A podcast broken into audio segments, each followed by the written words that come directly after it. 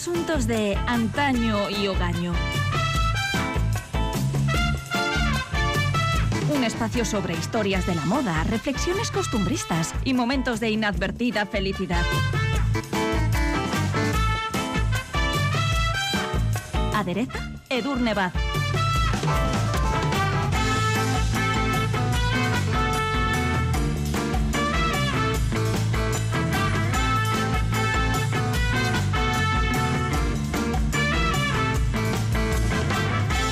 En 1995 la UNESCO fijó el 23 de abril como el Día Mundial del Libro y del Derecho de Autor.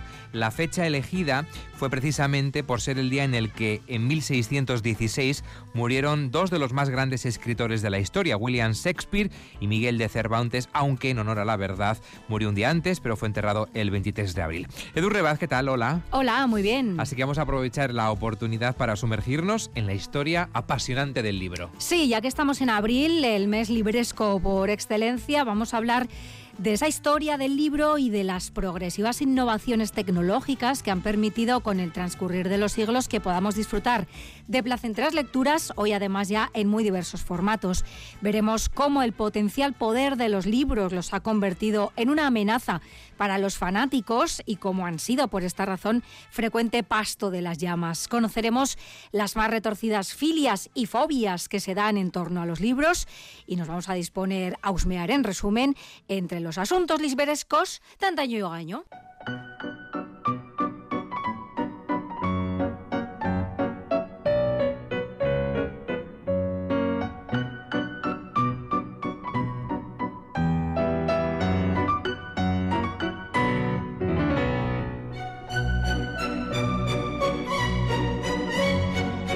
Vamos a empezar a hacer un repaso a la historia del libro, del papel y luego nos adentraremos en ese mundo de las filias y de las fobias. Antes de la llegada de la escritura y por supuesto del libro, los relatos, los poemas, los cantares, también los mitos, los preceptos religiosos y hasta los códigos de ley se transmitían evidentemente de forma oral. Claro, la invención de la escritura marcó uno de los grandes hitos en la historia de la humanidad porque permitió ampliar, digamos, la memoria colectiva, conservar y difundir los valores culturales y garantizar también una mayor perdurabilidad en el tiempo que la mucho más frágil transmisión oral. ¿no? Los caracteres escritos pasaron a lo largo de los siglos por diferentes soportes, de la primigenia piedra a la madera, las tablillas de arcilla, el mármol, las láminas de bambú, la seda, el hueso, las escamas, el bronce, la cerámica, el papiro, que fue el principal soporte de la escritura en las culturas mediterráneas de la antigüedad, o el pergamino, que fue sustituyendo de forma progresiva el papiro porque, entre otras ventajas, era más cómodo de utilizar y al estar elaborado a partir de la piel de diferentes animales, podía también conservarse por más tiempo en mejores condiciones. Pero, dada la materia prima empleada y el tiempo que exigía su preparación, también era un soporte que resultaba muy caro. Se estima que el papel no fue inventado hasta el siglo II de nuestra era, en concreto en China. Y en el siglo VIII los árabes aprendieron a fabricar el papel a partir de las técnicas chinas y lo dieron a conocer en Europa. Finalizado la Edad Antigua, el códice, como un conjunto de hojas cosidas y mucho más manejable, sustituyó al anterior volumen. Y el papel fue reemplazando progresivamente al pergamino y al resultar más barato también permitió una mayor difusión del libro. Con el tiempo, este preciado objeto logró también secularizarse y trascender los muros de los monasterios para llegar primero a las pioneras universidades, más tarde a las más selectas bibliotecas privadas, incluidas por supuesto las bibliotecas reales, y finalmente al común de los mortales. En la democratización del libro jugaron un papel determinante las técnicas de impresión desarrolladas por el orfebre alemán Johannes Gutenberg allá por 1440. Y la llegada de la imprenta, por tanto, dio paso a la era de la producción masiva de libros, tal y como hoy la conocemos. Es el punto de inflexión también. Totalmente, ese es, inflexión. digamos, el granito también en la historia del libro, ¿no? O por lo menos de su democratización. El primer libro impreso con esta nueva máquina fue la conocida como Biblia de Gutenberg, que vio la luz hacia 1455 con, se cree, una tirada de 180 ejemplares. Todos los libros impresos entre la invención de la imprenta y el 1 de enero de 1501 son conocidos como incunables porque constituyen, por así decirlo, la primera infancia ¿no? de los libros impresos mediante ya las técnicas modernas. La imprenta logró que los plazos y los costes de producción se redujeran, que las tiradas aumentaran, que se diversificara la oferta bibliográfica y, por extensión, que los libros llegaran cada vez a un mayor número de personas. A finales del siglo XV, el uso de la imprenta se había extendido a más de 200 países europeos y el libro dejó de ser un objeto único y artesanal, eso es cierto, pero a cambio pudo llegar a muchísimas más almas hambrientas de conocimiento. Y esto Claro está, no ha sido siempre del agrado de todos. El conocimiento contribuye al desarrollo del pensamiento crítico y, como dijo Albert Einstein en una ocasión, creer es más fácil que pensar. Y ahí la razón de que haya más creyentes.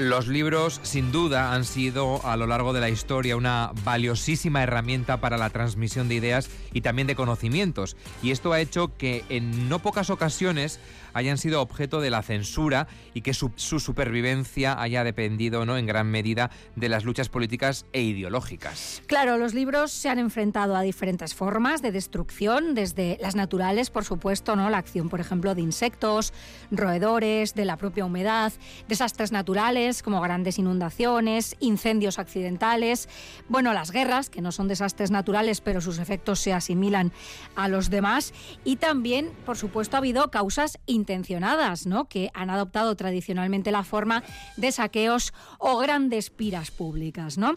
Los totalitarismos y fanatismos políticos y o religiosos han estado históricamente detrás de la vigilancia dogmática de los censores que, en la más expeditiva de las formas de censura, ha derivado en la quema masiva de libros. Y no faltan, por desgracia, eh, muchos ejemplos, ¿no? Venga, vamos con algunos de ellos. Tenemos muchísimos y además algunos bastante recientes. Quizá el primero que nos venga a todos a la cabeza sea el de la Alemania nazi, la quema de libros de autores judíos, marxistas, pacifistas o en general los considerados no alemanes, que tuvo lugar en diferentes momentos y diferentes ciudades alemanas, pero de forma especialmente notable en Berlín el 10 de mayo de 1933, en un acto organizado por la Unión Estudiantil Nacional Socialista y presidido por el ministro de propaganda nazi Joseph Goebbels.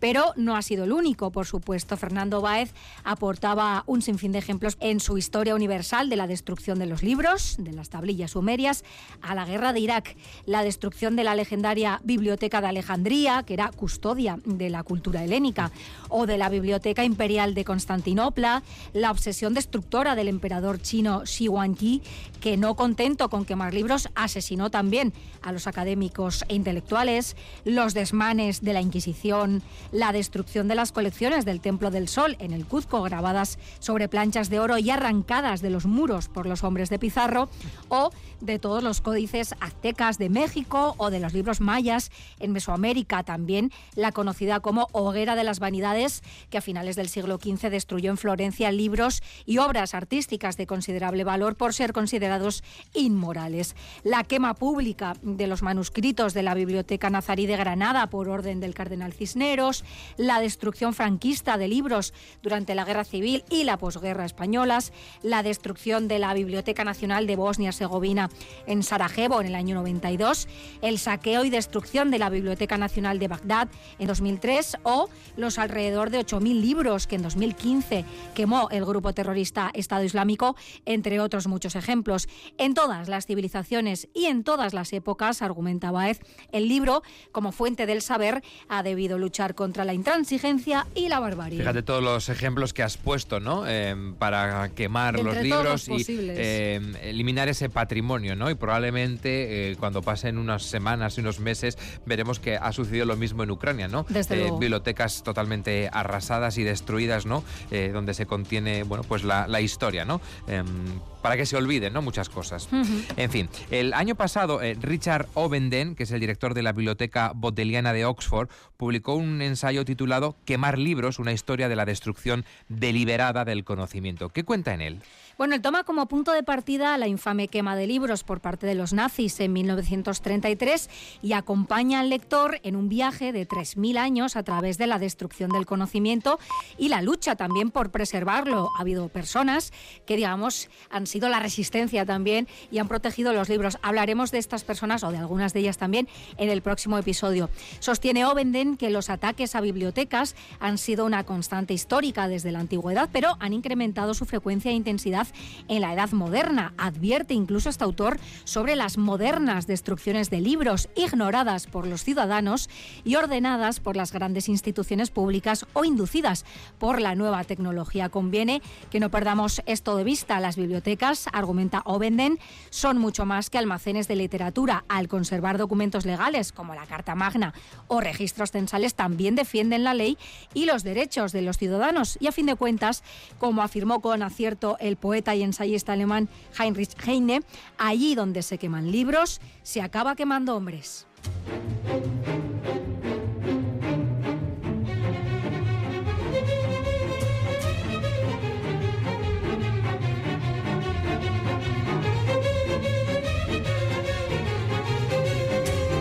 La destrucción de libros probablemente sea la más destacable forma de, digamos, fobia, ¿no? Hacia estos poderosos objetos, pero no es la única. Los libros despiertan en algunas personas un extraño rechazo, al tiempo que en otras despierta filias, ¿eh? no menos peculiares. Vamos a empezar por las fobias. ¿Qué nos encontramos aquí? ¿Qué catálogo de fobias relacionados con los libros nos encontramos? Bueno, pues podríamos empezar por la más genérica, que sería la bibliofobia, que es una respuesta de miedo exagerado e irracional a los libros o a la lectura de textos específicos. Normalmente está asociada a experiencias negativas con los libros o con la lectura, quizá por dificultades para la comprensión del texto, quizá por algún trastorno neurológico desarrollado en la infancia, quizá por posibles burlas que hayamos podido recibir por no leer adecuadamente en voz alta en clase, por ejemplo. Bueno, en realidad no es un concepto nuevo porque el término bibliofobia figura ya en textos desde el siglo XVIII, cuando se creía que este miedo irracional a los libros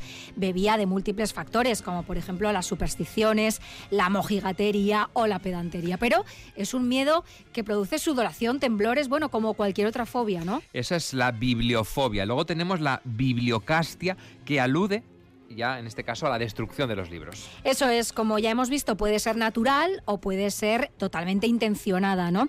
La biblioclastia está vinculada al concepto de memoricidio, que consiste en la destrucción deliberada del tesoro cultural y la memoria de un grupo o sociedad al que incluso se puede intentar mm, exterminar también culturalmente, ¿no? Esas son las fobias. Vamos con las filias porque vamos a encontrar también un amplio catálogo, algunas más sanas que otras. Sí, las hay muy retorcidas, la verdad es que sí, pero por ejemplo, la bibliofilia que sería la más genérica, pues alude al amor por los libros, ¿no? No tanto o no solo por su contenido, sino también por el libro en sí, ¿no? Como objeto de colección, es casi un fetichismo del propio libro, ¿no? Un bibliófilo prestará, por tanto, atención a cuestiones como la calidad del papel, la encuadernación o la tipografía que se ha elegido, como el coleccionista que es. Un bibliófilo tendrá también, con toda probabilidad, una pulcra, ordenada y completa biblioteca personal en la que nadie puede meter mano. Mm, me y a reconocer en alguna cosa. Sí, ya yo creo que sí, que podemos entonar el mea culpa en algunos casos. Pero bueno, también, por supuesto, un bibliófilo o bibliófila va a salivar entre mm, primeras ediciones, libros antiguos o raros. Bueno, están en esa eterna búsqueda también, ¿no? No hay que confundir a los eh, bibliófilos con la bibliomanía, que es un trastorno obsesivo compulsivo que consiste en coleccionar libros, aunque en este caso igual es más preciso utilizar el término acaparar libros sin ton ni son, ¿no? No es que tengan un valor intrínseco, sino que simplemente, bueno, pues es como un diógenes, pero en este caso con los libros, ¿no? Y algo similar le pasa al bibliocleptómano, solo que este acumula esos libros sin siquiera tener el detalle de pagarlos, ¿no? ¿Por qué? Porque los roba en las tiendas, en las bibliotecas públicas o en las casas de sus conocidos o pues de las personas que le abran la puerta. ¿no? Bueno, bibliofilia, bibliomanía, biblio cleptómano. Vamos a añadir más eh, términos, más filias a este diccionario libresco que estamos creando. Bueno, vamos a hablar de la bibliosimia y aquí estoy segura de que más de uno y una se va a poder reconocer porque se refiere a esa sensación grata que producen algunas personas el olor de los libros antiguos. A mí personalmente me gusta más el olor de los libros nuevos, pero aquí ya pues esto como todo para gustos los olores, ¿no? Y algunos hay que decir que van mucho más allá del olor. Hablamos por ejemplo de la bibliofilia que es una variante del trastorno alimentario que empuja a algunas personas a comer cosas que no son aptas para el consumo humano. Hay personas que comen pelo, yeso, tiza, mm, plásticos, detergente o bueno, pues lo que cada uno estime oportuno. Hablábamos del tío de Peggy Guggenheim que se comía, masticaba el carbón, y masticaba el hielo. Bueno, pues en el caso de la bibliofagia, como ya habréis deducido, lo que comen son libros y también revistas, así como aperitivo, ¿no? Podríamos hablar también de filia en el caso de la bibliomancia, que es un supuesto método de adivinación que consiste en abrir un libro por una página al azar e interpretar su contenido contextualizándolo o adaptándolo a la circunstancia presente. Hay que echarle aquí un como un libro esto, como, un, juego, ¿no? Venga, adivinemos de qué va esto. Y bueno, pues si esto ya te ayuda a ti a encaminar tu vida, pues fenomenal, ¿no? Mucho más razonable me parece el uso de la biblioterapia. Esto sí que está eh, de alguna manera más organizado, ¿no? Eh, terapéuticamente y consiste en el uso de la literatura precisamente como instrumento terapéutico, ¿no? A través de la identificación con los personajes o con las tramas de las obras, el lector puede canalizar sus propios problemas o preocupaciones y, bueno, en el mejor de los casos, encontrar en ese libro alguna clave, alguna explicación o alguna posible solución a eso que, bueno, pues le preocupa o en el peor de los casos, sentir por lo menos que no está solo en ese sentimiento y experimentar alivio o una mejora en el estado de ánimo que, oye, no es poco, ¿no? Y la cosa tampoco es precisamente nueva porque en el antiguo Egipto, fijaos qué cosa más bonita, las bibliotecas recibían el nombre de tesoros de los remedios del alma, porque podían curar la ignorancia, que es la más peligrosa de las enfermedades. Bueno, pues a todo este catálogo de filias y fobias, de filias y fobias, sin ninguna duda la más siniestra de las filias ligadas a los libros es y creo que todo el mundo estará de acuerdo con nosotros, la bibliopegia antropodérmica. Sí, esperemos que todo el mundo encuentre siniestro el hecho de encuadernar libros con piel humana como si fueras ahí Ed Gein, ¿no? Bueno, pues esto ya en la actualidad, como imaginaréis, es una práctica inusual y si algún vecino lo hace, denunciad, pero esto sí alcanzó su momento de esplendor en el siglo XVII. Fue el caso, por ejemplo, de algunos tratados sobre anatomía forrados con la piel del cadáver diseccionado, de testamentos forrados con la piel del testador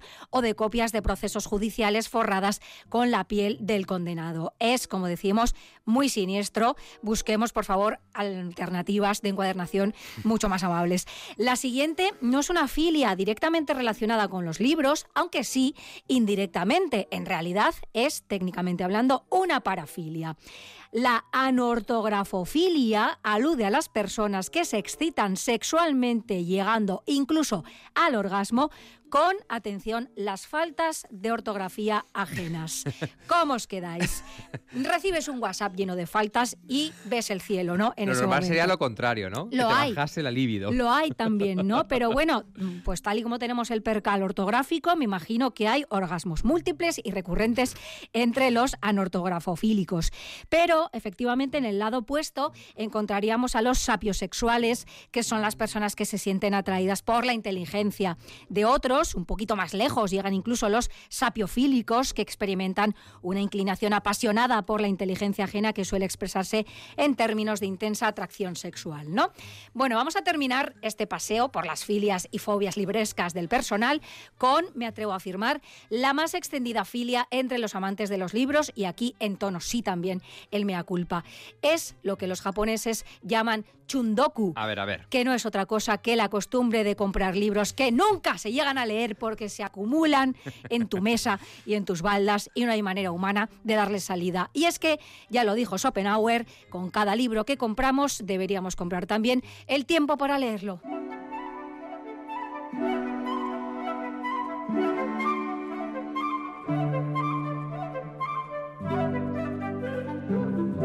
Más allá de las filias y de las fobias desarrolladas en torno a los libros, existen otras muchas curiosidades ¿eh? en las que podríamos detenernos y que vamos a hacerlo ahora mismo también. Bueno, por ejemplo, a pesar de que se tiende a pensar que es la Biblia, se considera que el libro más vendido de la historia es Don Quijote de la Mancha de Miguel de Cervantes. Se calcula que más de 500 millones de personas han comprado una copia de la que es considerada la primera novela moderna de la historia de la literatura. Es probable que la Biblia se haya vendido más, pero no existe un registro exacto de los ejemplares editados y vendidos. Según el libro Guinness de los Récords, el libro más largo publicado es En busca del tiempo perdido, del escritor francés Marcel Proust.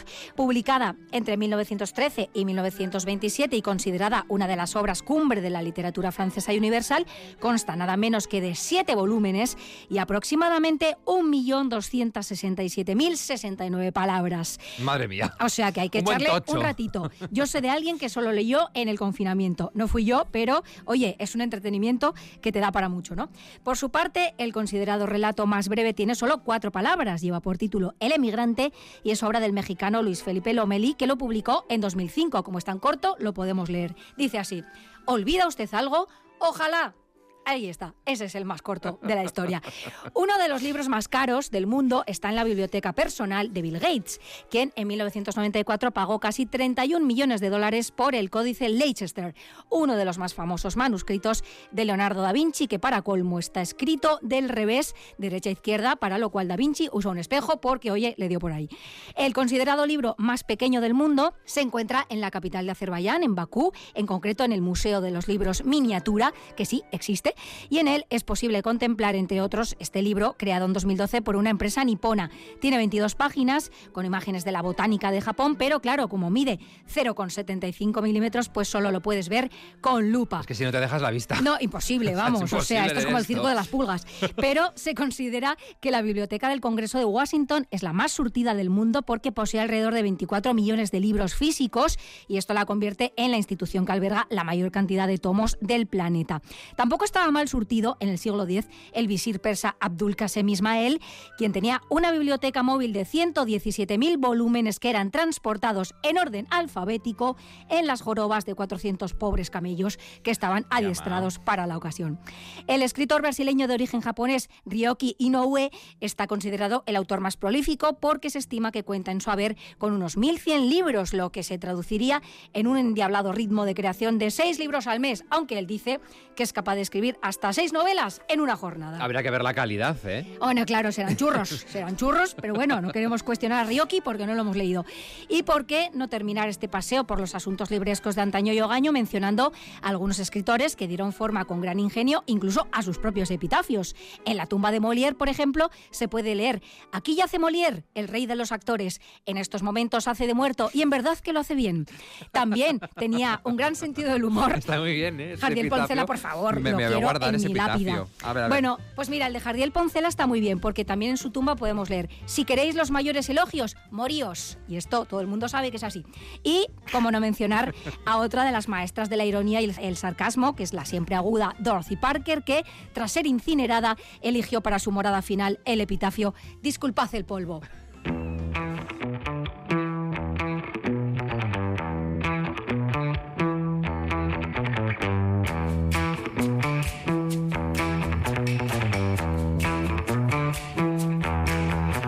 En Asuntos de Antaño y Hogaño estamos celebrando el Día Mundial del Libro precisamente con esos asuntos librescos de ayer y de hoy. La erupción de Internet permitió bajar los costes de producción y de difusión, como lo hizo la impresión a finales de la Edad Media, y el libro dejó de limitarse a su formato tradicional para adoptar nuevas formas, desde el libro electrónico hasta el audiolibro, que es como un paso más. Exactamente, mucho donde elegir y con todo esto pues también el debate tradicional. ¿No son o no son comparables al papel? ¿La experiencia lectora es la misma? La cosa despierta tanta controversia como lo apropiado o no de añadir cebolla a la tortilla de patata. Pero en esto, como en todo, la cosa es bien sencilla, que cada cual elija libremente su opción.